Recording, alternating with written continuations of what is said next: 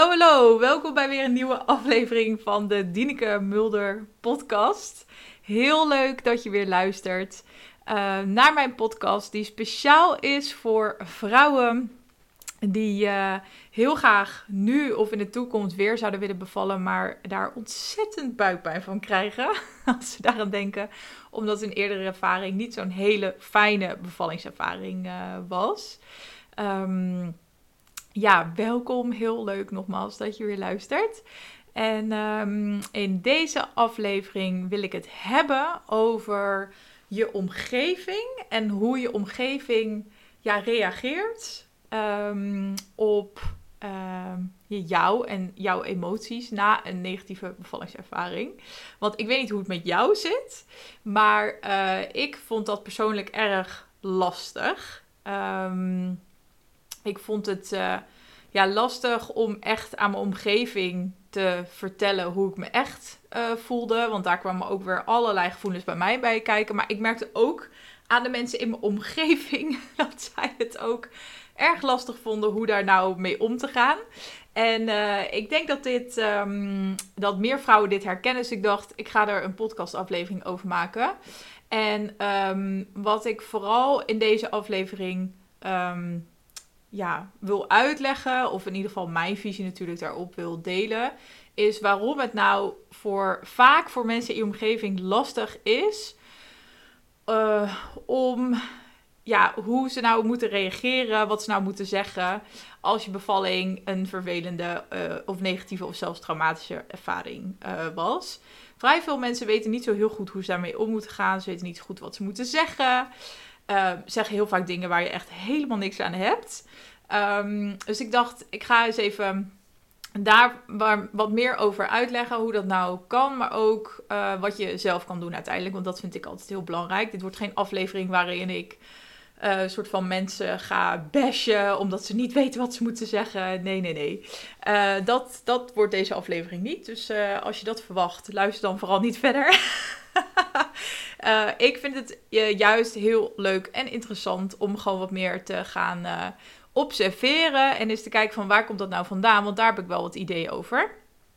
Dus waarom is het nou zo lastig voor mensen om om te gaan um, met ja, iemand die gewoon geen fijne bevallingservaring heeft gehad? En um, nou, ik heb wat dingetjes van tevoren opgeschreven, want ik denk dat het met een aantal um, dingen te maken heeft. Maar laat ik beginnen met uh, wat uit mijn eigen ervaring, wat ik vaak hoorde van mensen. Dus het eerste wat mensen zeggen. Uh, en ook wat ik vaak in reacties krijg op mijn. Uh, ik had hier een, een TikTok-video. Ik had hier een TikTok-video over gemaakt. En daar kreeg ik ook wat reacties op. Van. over ja, wat, wat zijn nou dingen die mensen zeiden waar je echt helemaal niks aan had. Um, dus dat, vond ik ook, dat vind ik ook wel leuk om even, um, om even te delen. Want het zijn vaak dezelfde dingen, merk ik, die, um, die terugkomen. vier of vijf dingen die die heel vaker worden gezegd. Dat is wel grappig. En ja, wat ik heel erg merkte is dat, nou ja, first of all, ik denk dat mensen, en dat had ik zelf ook, maar ik denk dat de meeste mensen een soort van, ja, een onrealistisch beeld hebben van überhaupt hoe het is als je net een baby hebt gekregen. Dat heeft één te maken met dat in deze tijd en in onze samenleving, hoe wij met elkaar leven. Um, dus we, zijn vrij. Uh, we leven zeg maar niet meer in stammen en communities. In de tijd van de jagers en verzamelaars had je echt een soort van tribe. En uh, daarin was het ook veel normaler, denk ik, in die tijd om um, mee te maken dat er een baby geboren werd. Dus um, voordat jij zelf ging bevallen, was het uh, al, denk ik, vrij vaak voorgekomen dat je ofwel je nichtje of de buurvrouw of whatever, iemand um, in je omgeving die dichtbij je stond al een babytje had gekregen. En daar, dat was echt een heel belangrijk onderdeel van zo'n zo'n mini-samenleving. Dus het was veel normaler, waardoor je er ook een veel realistischer beeld van had, denk ik.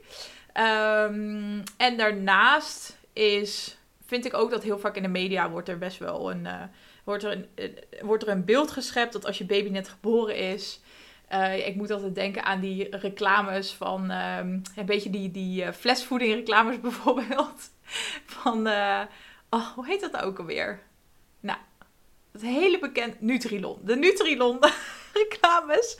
Nou, dan zie je echt zo iemand die dan net helemaal in het wit net een babytje heeft gekregen. En dan zo heel, heel mooi daar zo een beetje zo haar baby de fles zit te geven. En uh, allemaal super relaxed en chill en zo. Maar dat is natuurlijk niet waar. Dat is echt totaal geen realistisch beeld. En uh, sowieso denk ik dat er is, er is best wel natuurlijk een soort van uh, commerciële industrie ook tegenwoordig. Die heel graag laat zien hoe mooi en hoe fijn en hoe, hoe leuk het is om een baby te krijgen. Um, zodat jij heel veel spullen ook voor je baby denk ik gaat kopen. En voor andermans baby's. Um, dus heel vaak is het beeld wat wij hebben voordat, ja, voordat we zelf bevallen, maar ook denk misschien ook wel de generatie zeg maar voor ons. Uh, dat het gewoon allemaal uh, één grote roze wolk is, laat ik het zo zeggen. Um, dus de meeste mensen hebben niet een heel realistisch beeld van hoe het sowieso is om net een baby te hebben gekregen. Um, dus dat als eerste. En wat ik merkte, wat er veel werd gezegd, is dingen als maar je baby is nu toch geboren, dus nu kan je lekker gaan genieten. Of um, het is allemaal goed afgelopen. Dus nu, het is, het is toch allemaal goed afgelopen. Dus nu lekker genieten. Je merkt dat heel veel mensen um, als een soort van maatstaf gebruiken van... Oké, maar jij bent oké. En dan weten ze waarschijnlijk niet, zeg maar, hoe, hoe jij je echt voelt. Of hoeveel hechting je hebt of whatever. Maar ze kijken vooral naar de buitenkant van... Ja, maar jij ligt er gewoon oké bij, weet je. Je bent uh, gewoon... Uh, ja, je bent gewoon oké. Je leeft nog. en, en, je baby leeft ook. Dus, en is gezond. Dus dat is heel vaak al van, oké, check. Nou, dan is alles gewoon goed. Um, ik merk dat dat heel erg is vaak hoe mensen beoordelen, zelf beoordelen van hoe het dan met jou en je baby gaat. Um, wat ook vaak wordt gezegd is, maar je hebt er toch iets prachtigs voor teruggekregen. Uh, dus uh, dat wordt dan heel vaak gezegd als je dan uitlegt van nou, mijn bevalling was gewoon niet heel fijn. Het was best wel heftig. Of ik vond het zelfs, ik vond het echt een traumatische ervaring. En dan komt er heel vaak, maar je hebt nu toch je babyarmen. Of je hebt er toch iets fantastisch voor teruggekregen. Uh, en dat is trouwens ook wat ik merk uh, toen ik zelf was bevallen. Een beeld wat heel veel mensen hebben van überhaupt van bevallen. Dat een bevalling sowieso gewoon één grote lijdensweg is. En dat het gewoon sowieso heel zwaar is en heel kut en heel intens.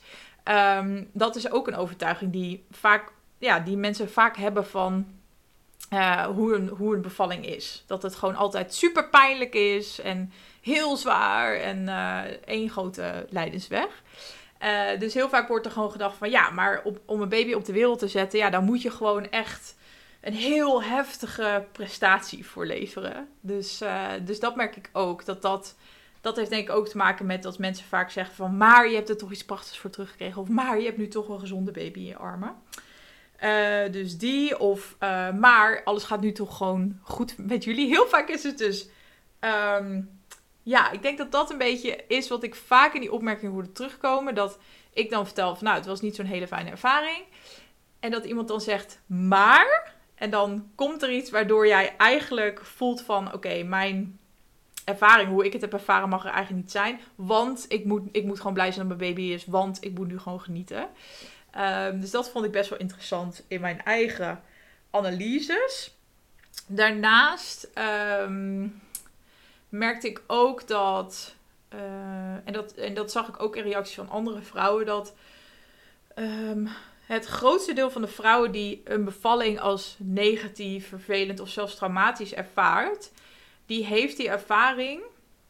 Dus het grootste deel, het is niet allemaal, maar je hebt zeg maar een deel van de vrouwen die een traumatische bevalling um, heeft gehad, omdat er echt medisch omdat er een ernstige medische complicatie was. Dus bijvoorbeeld uh, je baby had zuurstoftekort en moest beademd worden. Dus echt een ernstige medische complicatie. Maar de meeste vrouwen, daar is ook onderzoek naar gedaan. Ik merk het zelf ook in de gesprekken die ik met vrouwen heb. Die hebben een vervelende of negatieve bevallingservaring. En ook, ze omschrijven het zelfs ook als traumatisch. Ik heb ook, mijn bevalling was ook echt traumatisch. Um, zo zou ik het echt omschrijven. Terwijl bij mij was er niet zozeer een heel ernstige medische complicatie. Maar het heeft vooral te maken met ehm, hoe ik er zeg maar, toen naar keek, van de manier waarop er met mij werd gecommuniceerd. Ik voelde me heel erg een nummertje, een soort van omhulsel van mijn baby. Ik voelde me niet echt zeg maar gezien als vrouw, als mens. En uh, ik had dus heel erg het gevoel dat ik totaal de regie kwijt was. Uh, dat er keuzes voor mij werden gemaakt. Ik voelde me niet gezien en niet gehoord. En dit is wat het overgrote deel uh, van de vrouwen ervaart wanneer ze omschrijven dat hun bevalling een, dus een negatieve of traumatische ervaring was. Terwijl um, in de samenleving als geheel leeft heel vaak het beeld dat als jouw bevalling geen fijne ervaring was, dat dat heel vaak dus te maken heeft met dat er iets heel heftigs is gebeurd. Uh, dus een, een, ernstige medische complicatie. En uh, dat was ook het beeld wat ik daarvan had. Uh, als iemand, als ik ergens las, traumatische bevalling, was dat de eerste associatie die ik daarmee had van, oh, dan zal er wel iets heel ergs gebeurd zijn. En natuurlijk, die bevalling heb je ook, maar nogmaals, het overgrote deel het gaat dus eigenlijk om iets anders. En ik heb zelfs, wat ik ook merk in dus mijn eigen praktijk in gesprek met vrouwen, dat in sommige bevallingen, dus dat er ook, dat er ook medische complicaties uiteindelijk zich hebben voorgedaan.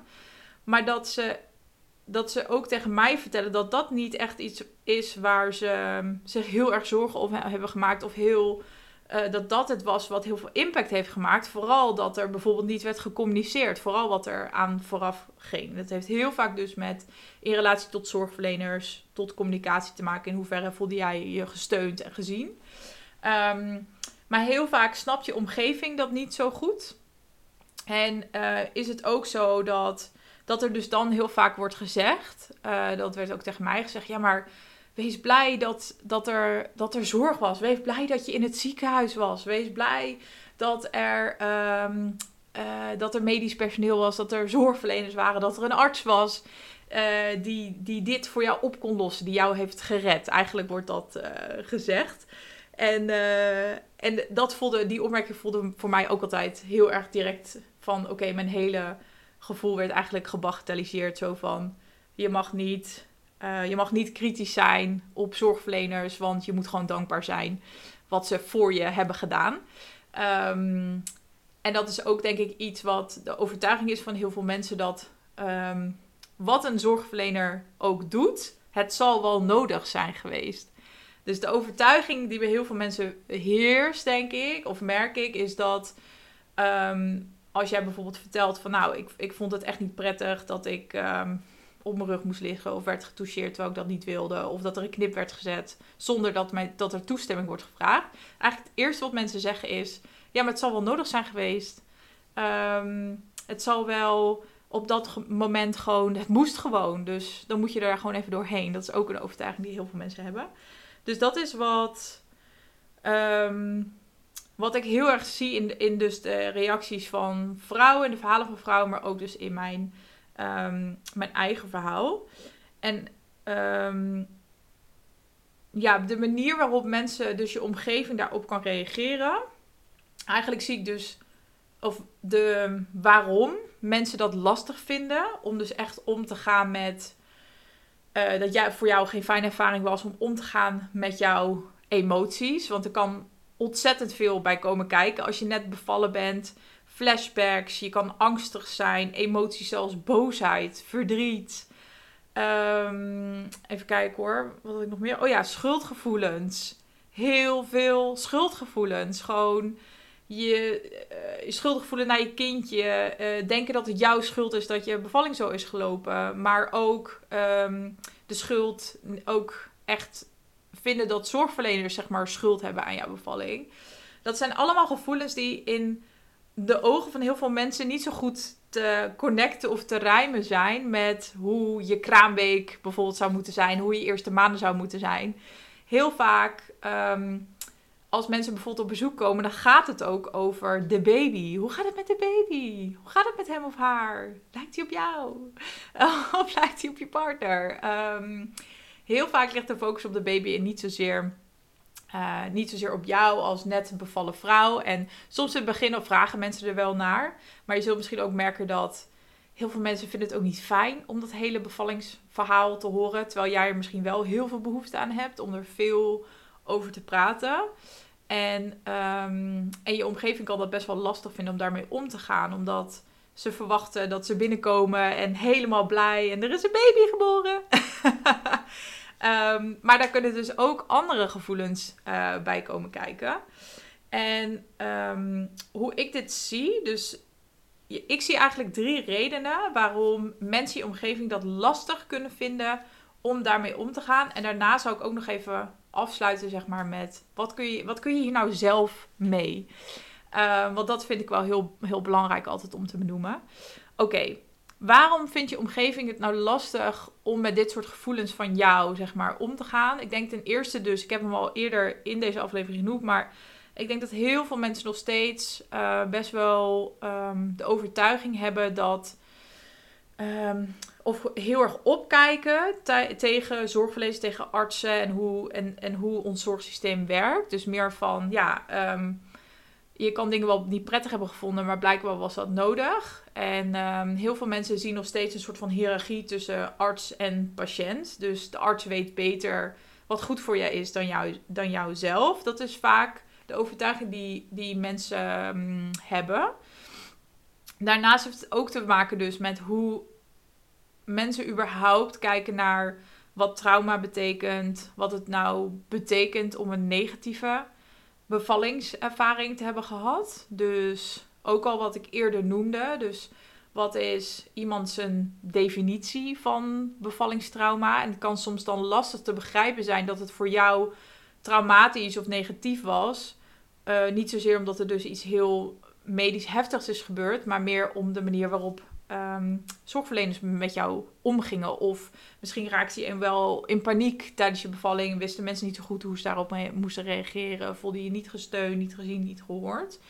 Um, dat is vaak lastig voor mensen als je het niet zelf hebt meegemaakt om te begrijpen wat voor impact dat heeft uh, op jou. En de derde, en die is denk ik best wel universeel. ik denk dat heel veel mensen het super lastig vinden om om te gaan met de emoties van een ander. En heel vaak heeft het te maken met als jij het lastig, al überhaupt lastig vindt om te gaan. Uh, nee, als jij het überhaupt al lastig vindt om om te gaan met je eigen emoties. Dus om je eigen emoties toe te laten, om ze te uiten dan vind je het helemaal lastig om om te gaan met de emoties van een ander. Dus wat we dan snel doen, is bijvoorbeeld uh, met zo'n opmerking, de opmerking die ik in het begin noemde. Maar je hebt er toch iets heel moois voor teruggekregen. Eigenlijk is dat onbewuste manier van mensen om eigenlijk een soort van kurk op jouw emotiefles te zetten. De emotiefles. Um, maar eigenlijk een manier om niet met jouw emoties te hoeven uh, dealen. En dat dus zelf ook niet te hoeven voelen. En dat heeft eigenlijk altijd te maken met dat iemand het zelf ook gewoon überhaupt lastig vindt om zijn of haar emoties te, toe te laten te voelen en te uiten. En, als, um, en dat is dan bij, zeg maar, naar een ander toe ook nog lastiger eigenlijk. Um, dus dat is eigenlijk de derde, de derde reden. Dus heel veel mensen vinden het gewoon super lastig om. Uh, um, om met de emoties van een ander uh, om te gaan. En het is gewoon een stuk comfortabeler om dat eigenlijk um, even soort van op pauze te zetten en te zeggen. En eigenlijk een soort van te bagatelliseren door te zeggen. Ja, dat zal allemaal wel, maar je hebt nu gewoon een superleuk gezond kind. Dus uh, ga lekker genieten en ga weer helemaal positief zijn. Um, dat is denk ik uh, wat heel vaak onbewust en nogmaals. Um, het klinkt nu misschien als een best wel negatief verhaal, maar dit is gewoon waar eigenlijk doorgaans mensen zich natuurlijk niet bewust van zijn. Maar het is misschien wel goed om te weten, want voor jouzelf kan het soms, je kan je soms best wel alleen en afgewezen voelen. En het kan soms ook voelen alsof jouw emoties er niet mogen zijn, alsof je je aanstelt, uh, alsof het allemaal niet zo heftig uh, was als dat jij, als dat jij voelt, dat jij hebt, het hebt gevoeld. Um, en dan kom ik ook direct met wat kan je hier nou zelf mee? Um, dus ook al wat ik, net, wat ik net omschreef, je kan je best wel een soort van uh, ja, een beetje gedemotiveerd voelen om nog verder te praten over hoe jij je voelde na die bevalling. En niet alleen trouwens na een bevalling, maar ook als je weer in de fase komt dat je kindje alweer wat ouder is. En als je erover na begint te denken, wil ik misschien nog een kindje? Uh, en daar, daar beginnen mensen alweer vragen over te stellen. En ook dat vinden mensen lastig om dan te horen. En, en dat, nou, het begint nu alweer over die bevalling. maar ook dat vinden mensen heel lastig. Um, om dan te horen dat die ervaring nog steeds een rol speelt. En dat het daarom voor jou lastig is. Of ja, wat minder makkelijk is om na te denken dus over een, uh, een tweede kindje of een tweede keer bevallen. Dus ook in die situatie kan je hem eigenlijk toepassen. En wat als eerste dus goed is om te weten, wat je te, uh, om je te beseffen, is dat dit is echt onbewust bij mensen. En de redenen die ik net noemde, dat zijn de redenen uh, waarom mensen dat lastig vinden. Het heeft eigenlijk, wat je mag realiseren, is dat het niks met jou te maken heeft, maar eigenlijk met die ander. Dus in hoeverre kan die ander ook met zijn of haar eigen emoties goed omgaan. Um, en dat bepaalt ook hoe ze vervolgens weer met jou um, emoties en verhaal, zeg maar, omgaan. Dus eigenlijk heeft dat niks met jou te maken. Dat is goed om je te beseffen. Dus laat je vooral ook niet. Um, probeer dat echt los van elkaar te zien. En probeer uh, niet tegen jezelf vervolgens te gaan zeggen van... oh, ik stel me aan of nou ja, ik moet maar gewoon mijn mond houden. Nee, ik moet inderdaad genieten. En dan vervolgens je eigen, uh, wat jij voelt, een soort van weg te drukken. Dat zou heel jammer zijn. Um, dus wees je daar bewust van en uh, wees je daar bewust als, van als dat gebeurt bij jezelf. En daarnaast, en dat is iets wat ik al vaker deze podcast heb gezegd, maar neem, neem verantwoordelijkheid voor hoe jij je voelt. Neem de leiding. En laat het niet afhangen, de mate waarin jij um, bijvoorbeeld hulp zou willen zoeken uh, of aan de slag zou willen met hoe jij je voelt, laat dat niet afhangen van hoe je omgeving daarop reageert. Dus laat je omgeving niet bepalen voor jou of uh, jij nog last, in hoeverre jij last hebt van die ervaring. Laat je omgeving niet bepalen in hoeverre jij of het wel allemaal erg genoeg is om hulp te zoeken. Als jij voelt, als jij er last van hebt en je, en je voelt dat het nog steeds op sommige momenten een rol speelt in je leven, of je voelt dat het uh, echt invloed heeft op um, um, het gaan voor een tweede kindje, het weer nadenken over uh, weer gaan bevallen. Um, dan is jouw gevoel daarin leidend en hoe je daarbij voelt. En niet, uh, laat dat niet afhangen van hoe je omgeving daarop reageert. En zie het als volgt: neem zelf de leiding. En als, als er iemand in je omgeving is waar je wel heel goed ermee over kan praten en die wel ook met jouw emoties kan omgaan, dan is dat alleen maar mooi meegenomen. Dan is het een extraatje. Maar laat niet je omgeving in dat proces leidend zijn. Wees zelf um, de leider in dat proces. Neem zelf de leiding. Dus als jij voelt, ik wil hier iets mee, ik heb hulp nodig, ik voel me niet goed, um, ga er dan mee aan de slag. En ga gewoon op zoek naar hulp. Ga op zoek naar iemand die jou daarin kan helpen. Of het nou een psycholoog is, of je nou uh, bijvoorbeeld herstelgesprekken gaat doen. Er zijn zo ontzettend veel opties tegenwoordig. Ga gewoon kijken of je, uh, of je iemand kan vinden. En soms moet je daar wat langer naar zoeken. Soms moet je, in mijn geval heb ik drie verschillende hulpverleners gesproken. voordat ik bij een hele goede psycholoog terecht kwam. Maar dat is het gewoon. En dat, daar gaat dus verantwoordelijkheid nemen heel erg over. Laat je niet, laat je niet leiden of beïnvloeden door dus hoe je omgeving daar uh, daarin staat. Of dat zij, um, ja, nou, dat, dat vooral. Um, dus ik hoop dat je daar iets aan hebt. En daarover gesproken, als jij nou bij jezelf ervaart, of als je net bevallen bent, of je bent inmiddels bezig um, om voor een tweede kindje te gaan, of misschien ben je nu al zwanger van een tweede kindje, maar je krijgt gewoon ontzettend buikpijn.